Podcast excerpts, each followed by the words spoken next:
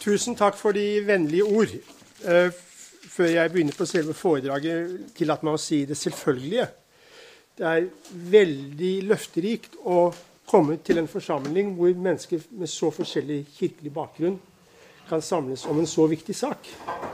Så jeg håper at vi på en måte her kan ha en snøball som vi kan rulle videre. fordi det gjelder nå på en måte å holde sammen i den store kulturkrise, også kanskje kristendomskrise, som vi står overfor.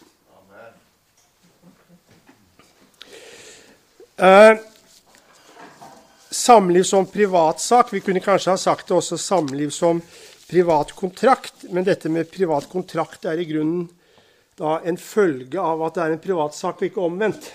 Så det jeg skal prøve å gjøre nå, det er å prøve å skissere noe av den kulturelle utfordringen vi står overfor. Det har til alle tid vært mennesker som har levd sammen uten å være gift.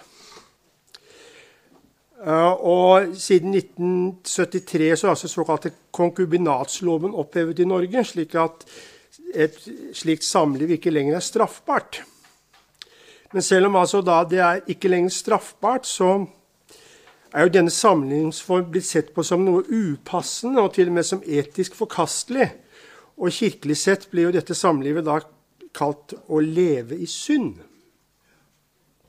Det nye er vel da at denne samboerforholdet er blitt kristelig akseptabelt.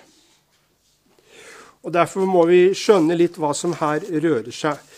Eh, for å forstå hvorledes denne si, uformelle samlivsformer eller, eller samboerskap da eh, sniker seg inn i kirkelivet, så jeg, kom jeg over et, eh, et, klipp i Vårt Land den 19. august, hvor Helga Byfuglien, som altså da er biskop og leder av bispemøtets samlivsutvalg, uttalte seg om eh, sex før ekteskapet.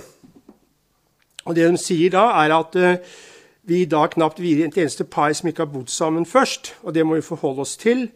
Så ble hun spurt så Kirken mener ikke lenger at sex før ekteskapet er synd. Og så svarer hun sex er en intim relasjon mellom to mennesker Seksualiteten har sin plass innenfor et forpliktende forhold, og den beste plassen er ekteskapet. Men vi erkjenner at mange lever sammen uten å være gift, og sier at det er synd. Kommuniserer ikke det Kirken ønsker å formidle.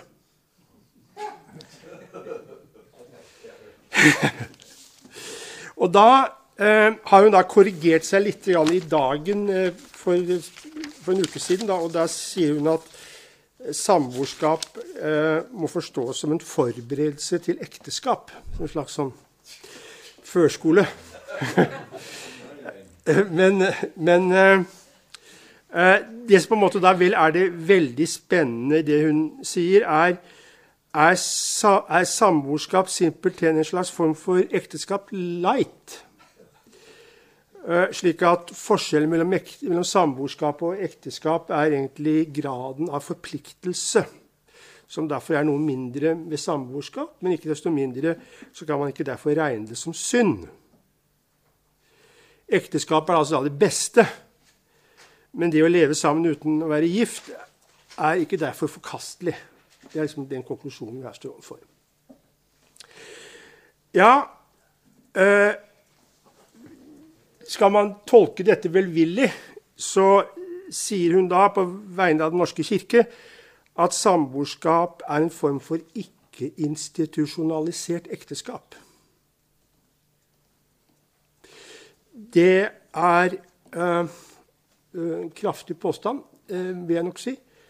Men øh, det som da er viktig, er å forstå hvordan denne type forklaring kan bli akseptabel. Og da har jeg tenkt å gjøre det med tre punkter. Eh, først en filosofisk tilnærmelse. Eh, vi, I vår kultur så har vi oppgitt å leve i det som kunne kalles overindividuelle meningssammenhenger. Var det et eh, munnfull? Overindividuelle, altså i meningssammenhenger som forplikter et fellesskap. Forpliktelsene knytter seg i grunnen til meg og mitt. Og denne individualiseringen må vi da prøve å forstå. Og det andre er en sosiologisk tilnærmelse, nemlig at vårt samfunn har mistet sine organiske enheter. Det er veldig vanskelig å si hva som binder det moderne samfunn sammen. Og det tredje tilnærmelsen er da mer teknisk, medisinale og politiske faktorer som, grunn, som, grunn, som oppløser ekteskapet. Jeg tenker da på p-pille og skattelovgivningen i Norge og den slags ting. Men det viktigste tror jeg altså er altså disse to eh, første momentene, som jo fører oss tilbake i i europeisk åndshistorie langt tilbake. Og, og, det jeg da tenkte å begynne med der, er noe som kalles for nominalisme. Og for da å forklare nominalismen så uh, vil jeg vise til hva, jeg, hva, som på en måte irriterer meg hver eneste dag når jeg ser på TV. For da vil et intervjuobjekt, f.eks. i Dagsnytt, som har gjort et eller annet han, vil, han eller hun vil gjerne bli spurt hva føler du nå? Og det kan i og for seg være greit som spørsmål hvis man liksom har vunnet premie i olympiske leker. Da.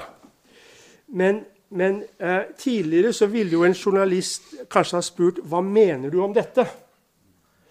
Og så svarer intervjuobjektet ja, jeg gjør gjeldende med all at dette ikke kan være riktig, men det og annet er riktig. Ja? Da viser man til en mening som er noe mer enn følelser. Fordi en følelse kan jo i grunnen aldri være sann eller falsk. Den kan være ekte eller uekte. Så hvis man besvarer livets store spørsmål, og små spørsmål ved å si at 'jeg føler det er sånn', så er det i grunnen Det kan ikke angripes. Man kan eventuelt si at kanskje vedkommende er en hykler, men man kan ikke si at vedkommende tar feil. Ja? Og da er vi jo da havnet i en kultur hvor hele, hele alle sannhetsspørsmål blir redusert til følelser. Og Denne tenkningen går tilbake helt klart eh, til en middelaldersk retning som gjerne kalles for nominalisme. Og jeg skal prøve å si litt om nominalisme. Nå skal jeg altså innrømme noe som jeg ikke har tenkt å si. Jeg tok med feil manuskript. så, så, så, dette her å hoppe litt uh, uten sikkerhetsnett nominalisme knyttes til et navn som heter William Ockham. og Han eh, døde ca. 1350. Og Han reagerte mot uh, den store teologen Thomas Aquinas fordi han mente at Thomas Aquinas var for, for frimodig til det å skulle forklare virkeligheten gjennom ord og begreper. Og det som da uh, Thomas, som William Ockham sier, er at ord er og blir ord. Ord er ting som er, Ord er, er, er, bilder, egentlig, metaforer, som vi legger på ting og forhold. Men ordene er hele tiden utenpå. Ordene er liksom noe som er skapt i bruken. Ordene, ordene griper ikke fast i, i, den gjenstanden vi vil beskrive, som er noe som hviler i seg selv. Ordene er altså uh, simpelthen uh, et simpelthen uh, vår beskrivelse av noe predikatsord. Hvis jeg f.eks. sier at et eple er grønt, så er grønt predikatsord. Og predikatsordet 'grønt' det er jo ikke en egenskap ved eplet, men det er noe i mitt syn. Og hvis da eplet kommer i et annet lysforhold, så kanskje det er gult. Ja? Og slik er det med alle ting som vi vil beskrive med ord. Uh, hvis vi sier ordet 'hund', så kan det være riktig når vi peker på passord på trofast uh, om hva hunden måtte hete. Men ordet 'hund' beskriver ikke noe annet enn enkelthunder. Vi kan ikke bruke ordet 'hund' til å beskrive en kategori som eksisterer i seg selv som hund. Ja? Og Da kan vi gjøre et lite sidesprang. F.eks. ordet 'ekteskap'. Ordet ekteskap finnes da ikke som en allmenn kategori. Det finnes bare ditt ekteskap og mitt ekteskap. Og, og disse ekteskapene kan da ikke, eller da, disse, disse ordene kan ikke settes sammen i helheter. Som om da helheten, la oss si, hund eller ekteskap, da skulle være en virkelighet som fantes i seg selv. Fordi det er bare ordsammensetninger. Det eneste som finnes, er enkeltheter, og vi kan ikke bruke begrep til å forklare formål eller helhet. Fikk dere fatt i den? Begrepet kan ikke brukes til å forklare formål eller helhet. Og hvordan skal vi da forstå eh, det vi, det vi, eh, det vi vil forstå? Jo, i virkeligheten forstår vi alt gjennom sansning. Det er sansningen som er det grunnleggende. Og de ord vi bruker, er egentlig bare et forsøk på å beskrive sanseerfaring.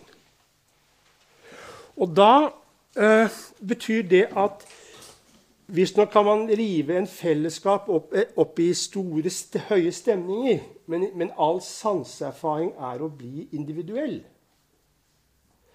Og Det betyr også at hvis vi skal bruke etiske kategorier, så er det vi kaller godt, det som er godt for meg og ikke noe som er godt som et overordnet begrep. Altså Tanken om det gode, det sanne og det skjønne er meningsløse hvis vi vil gjøre dem til overindividuelle begreper.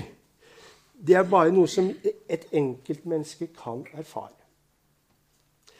Og da denne debatten rundt Nå skal ikke jeg gå for langt, da har jeg gitt dette, men altså det er en veldig morsom formulering som fikk meg til å rykke da jeg leste det som ung student, teologistudent. Fordi striden mellom tomister og nominalister gikk ut på er det gode godt fordi Gud vil det, eller vil Gud det gode fordi det er godt? Smak på den.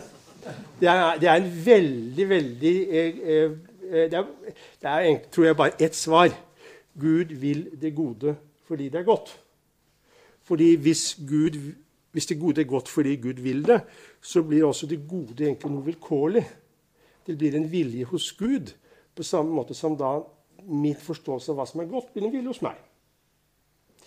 Så helt enkelt sagt så eh, fører denne nominalisme, da, hvis vi nå glemmer det store filosofiske problemet, det fører til en ny individualistisk kultur hvor enkeltmennesket blir det bærende. Virkeligheten er enkeltmenneskets virkelighet. Og da er det da innenfor særlig engelsk eh, eh, tenkning eh, en videreføring av nominalismen i retning av statsvitenskap. Og da er det en en engelsk filosof og jurist som noen av dere kanskje har, husker navnet på vakt, som heter Thomas Hobbes. Han har skrevet en bok som heter 'Leviatan', som mange husker navnet tittelen på. Og Hobbes spør hvordan oppstår et samfunn? Jo, et samfunn oppstår fordi mennesker søker sammen i et interessefellesskap. Et samfunn kan kun være levedyktig hvis mennesker alle finner noe godt for seg i det. Så det betyr altså at en god stat er oppstått fordi at det har vært et naturlig sammenfall av interesser. Og da blir det selvfølgelig neste, neste øyeblikk der hvis staten opptrår, oppstår ved et naturlig sammenfall av interesser, hvordan oppstår et ekteskap? Jo, ekteskapet oppstår også fordi han og hun kan, kan, ut, kan dele ting som er i den felles interesse. Men det betyr ikke at han og hun derved blir en ny enhet kalt ekteskapet. Han og hun, Man kan godt kalle det ekteskap, men det er bare på en måte, har, det er bare vårt ord, på samme måte som vi sier eple er grønt. Ekteskapet er der egentlig eh, fordi han og hun har egeninteresse av det. Og da blir selvfølgelig det neste punktet Hva skjer når egeninteressen opphører? Ja, Da opphører selvfølgelig også samlivet. naturlig. Ikke sant? Det Når partene ikke lenger har får ut av dette hva man tenkte seg. Og, og Hobbes drøfter da i denne boken 'Leviatan' eh, ekteskapet og sier f.eks. da at dette er veldig viktig at ikke noen kirkelig instans kommer borti dette. Fordi, fordi da, da, blir på en måte ekteskapet Det blir ikke lenger fritt. Ja? Da er det ikke lenger et naturlig samhold. Og så føres dette synet videre innenfor engelsk eh, statsvitenskap. Det er første er en som heter John Lock. altså Hobbes dør i, i, Han lever, blir veldig gammel, nesten 100 år. Han dør i, i 1659. Og så kommer da John Lock som som er liksom generasjonen senere. da.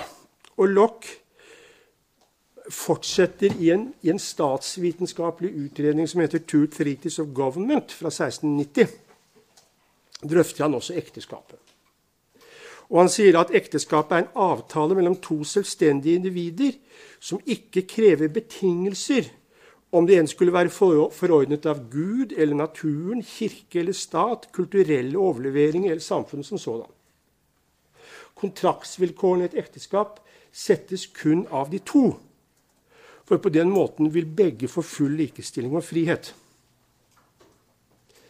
Dette føres videre igjen da, eh, rundt 1850 som heter John Stuart Mill, som, som, på en måte oppløser ekteskapet helt. da. Men det er da, eh, for å konkludere dette Et samliv som kun består til syvende og sist av sanseerfaring, hvor ord er, er, likegyldige Man beskriver på TV sine følelser. Og hvor det som holder mennesket sammen, er egeninteresse uttrykket som fellesinteresser.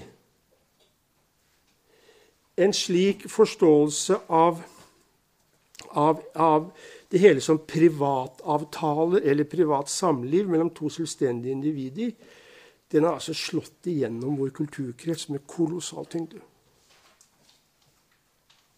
Og det må vel sies da være en av de klare forutsetningene for det som skjer rundt oss nå. Og så er det altså da naturlig med et sideblikk til Frankrike. Fordi fransk opplysningsfilosofi Eh, delte nok tanken om at ekteskap er en privatsak. Men de hadde veldig store eh, tanker om hvorledes samfunnet kunne organiseres som et fornuftig samfunn.